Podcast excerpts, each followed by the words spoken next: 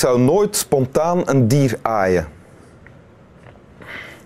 Dit is een uh, zeer recente uitspraak van mijn gast van vandaag, uh, kinderpsychiater psychiater pardon, Peter Adriaanses. Welkom in Winteruur. Uitspraak die doet vermoeden, een uh, quote die doet vermoeden dat u meer op hebt met mensen dan met dieren. Ja, en kinderen eerst en kinderen eerst. Want ik ben kinderpsychiater, ja. docent, hoofddocent de KUL, psychiatrie, of kinderpsychiatrie. Ja. Uh, en voilà, daarmee bent u gelijk ingeleid en geduid. Vader ook van vier dochters. Vier dochters. Die ondertussen allemaal het huis zijn uitgevlogen. Ja, ik ben niet meer jong, zoals dat een van de jongeren mij van de week nog zei. Moet ik gaan spreken met een oude man, zei hij. Ah, ik voelde mij ineens botpa. Botpa, dat is het boek waaruit u gaat voorlezen. Zullen we dat gelijk doen dan? Oké. Het boek van Botpa, daaruit gaat u voorlezen. Ja. Ben je nooit bang? De laatste jaren niet meer. Waar zou ik bang voor zijn? De dood. De dood. Botpa zweeg even en in de stilte leek hij twee keer zo breed te worden. Hij zat daar roerloos achter de rook als een massief rotsblok. Toen hij weer begon te spreken, had hij een andere stem. Hij klonk heel ernstig, maar ook luchthartiger dan ooit. Misschien is het tijd, pelgrim, om het eens over de dood te hebben. Je bent er te veel mee bezig. De dood is niet iets om bang voor te zijn, maar ook niet iets om naar uit te zien. Jou wacht nog een teleurstelling als het eenmaal zover is. Zie je, de dood stelt veel minder voor dan je denkt. De dood is een uitgedoofde kaars, meer niet. Het licht is een wonder, maar het uitdoven is niks. Sterven is alleen afschrikwekkend voor wie niet echt geleefd heeft.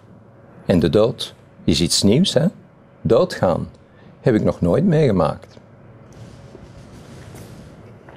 Oké. Uh, het fragment dat u voorlas begint met een gesprekje tussen Botpa en Pilgrim. Pelgrim. Pelgrim, ja. Moeten we weten wie dat zijn om uh, het uh, Ja, toch. Het is een jongen van 15 die een gebroken been heeft dat niet geneest. Pelgrim. En, Pelgrim. Mhm. En hij heet eigenlijk Peregrin en een beetje treiterig maakt Botpa daar een ander woord van, pelgrim. Ehm, en Botpa is een shamaan, is een soort wijze, maar moet er uh, vreselijk uitgezien hebben volgens de beschrijving in, uh, in het boek. En die trekt door de steppen met deze jongen op vraag van diens vader, zorg ervoor dat hij herstelt. En die jongen gaat ervan uit, ooit, ergens op die tocht, zal Botpa mij een truc leren waarmee ik ineens genezen ben en het perfecte leven heb. En dat gebeurt niet, honderden bladzijden niet. En Botpa debiteert wijsheden. Zoals uh, hier. Zoals hier. Ja? ja? En hier gaat het dan over de dood. Ja, ze hebben over het, het leven eigenlijk. Leven, dood, liefde, waarheid, leugen. Wat, wat wordt hier verteld in dit fragment? Hier zegt Botpa eigenlijk aan die jongen: je moet springen in het leven. Je moet wat in het leven gebeurt niet laten bepalen door dat eindpunt, door zo bezig zijn met de angst voor de dood. En dat is natuurlijk een thema dat uh, vele tieners kennen. Hè. Um, waartoe dient het allemaal? Waarom zou ik studeren? Waarom zou ik me gedragen, uh, mij engageren, als aan het eind van de rit we toch allemaal hetzelfde slot hebben? Mm -hmm. En er is altijd die hoop dat er iemand is die de truc weet, die de truc kent om ervoor te zorgen dat je zonder pijn, zonder problemen uh, de oplossingen gaat vinden in je leven. En eigenlijk uh, zegt Botpa hier dat uh, ja, je, moet, je moet in het leven stappen. Wees, wees niet bezig met dat slot, hè, maar wees bezig met de brandende kaars. Uh, en dus, ja, uh, ongeluk en bloeds en builen, nou, die horen erbij. Er is geen gelukkig leven zonder.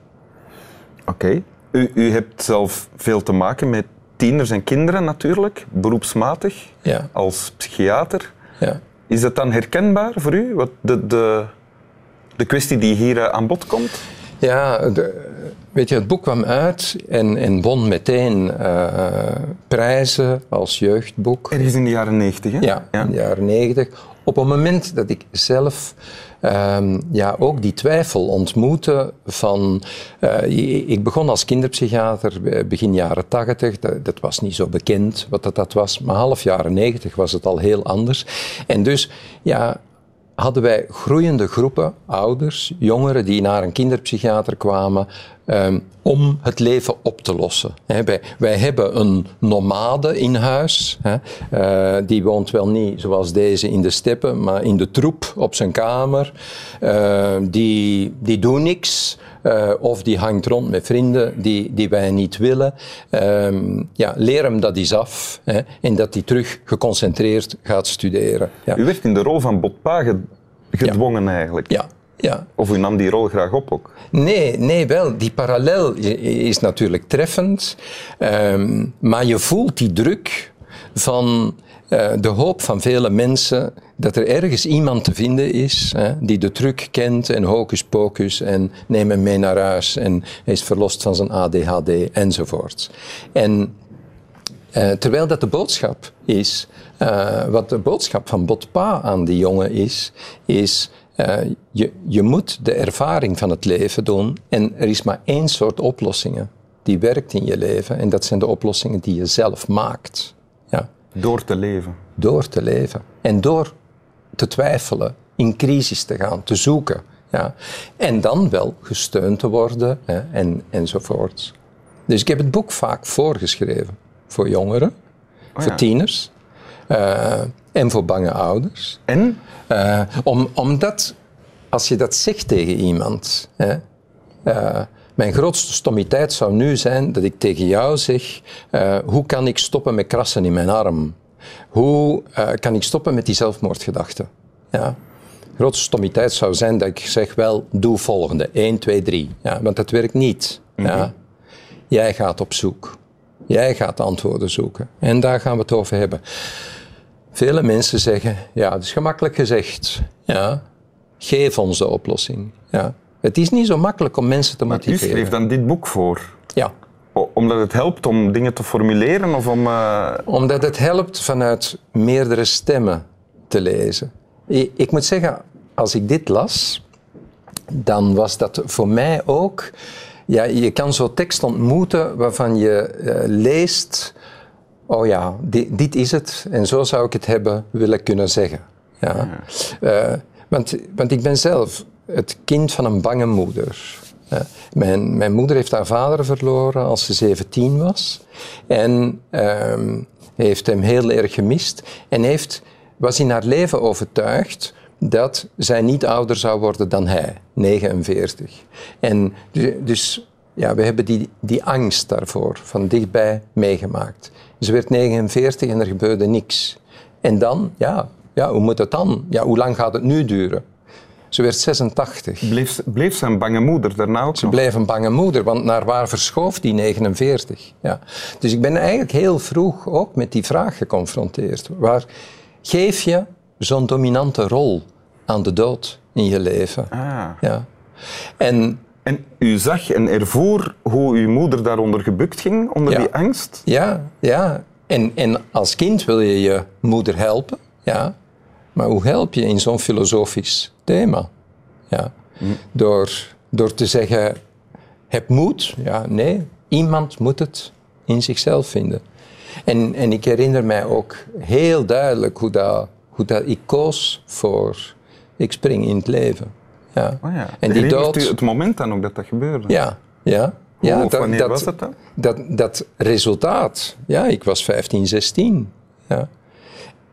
En dan ontmoet je in een, in een boek, hè, wat veel later is, 20 jaar later denk ik, ehm, ontmoet je een, een dergelijke parabel, hè, een, een verhaal, waar dat die tekst bijna letterlijk staat. Met die boodschap die ook vandaag zo actueel is, waar vandaag zoveel mensen zeggen, zou je mij kunnen verzekeren dat er geen aanslag meer komt? Nee, dat kan ik niet. Ja, je gaat ermee moeten leren leven. Spring in het leven. Het is zo'n belangrijke boodschap. Wil je het nog eens lezen?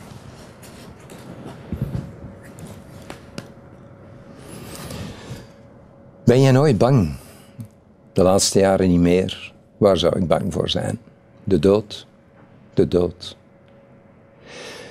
Botpa zweeg even en in de stilte leek hij twee keer zo breed worden. Hij zat daar roerloos achter de rook als een massief rotsblok. Toen hij weer begon te spreken, had hij een andere stem. Hij klonk heel ernstig, maar ook luchthartiger dan ooit. Misschien is het tijd, pelgrim, om het eens over de dood te hebben. Je bent er te veel mee bezig. De dood is niet iets om bang voor te zijn, maar ook niet iets om naar uit te zien. Jou wacht nog een teleurstelling als het eenmaal zover is. Zie je, de dood stelt veel minder voor dan jij denkt. De dood is een uitgedoofde kaars, meer niet. Het licht is een wonder, maar het uitdoven is niks. Sterven is alleen afschrikwekkend voor wie niet echt geleefd heeft. En de dood is iets nieuws, hè? Doodgaan. Heb ik nog nooit meegemaakt. Ja, ja. Dank je. Slap wel.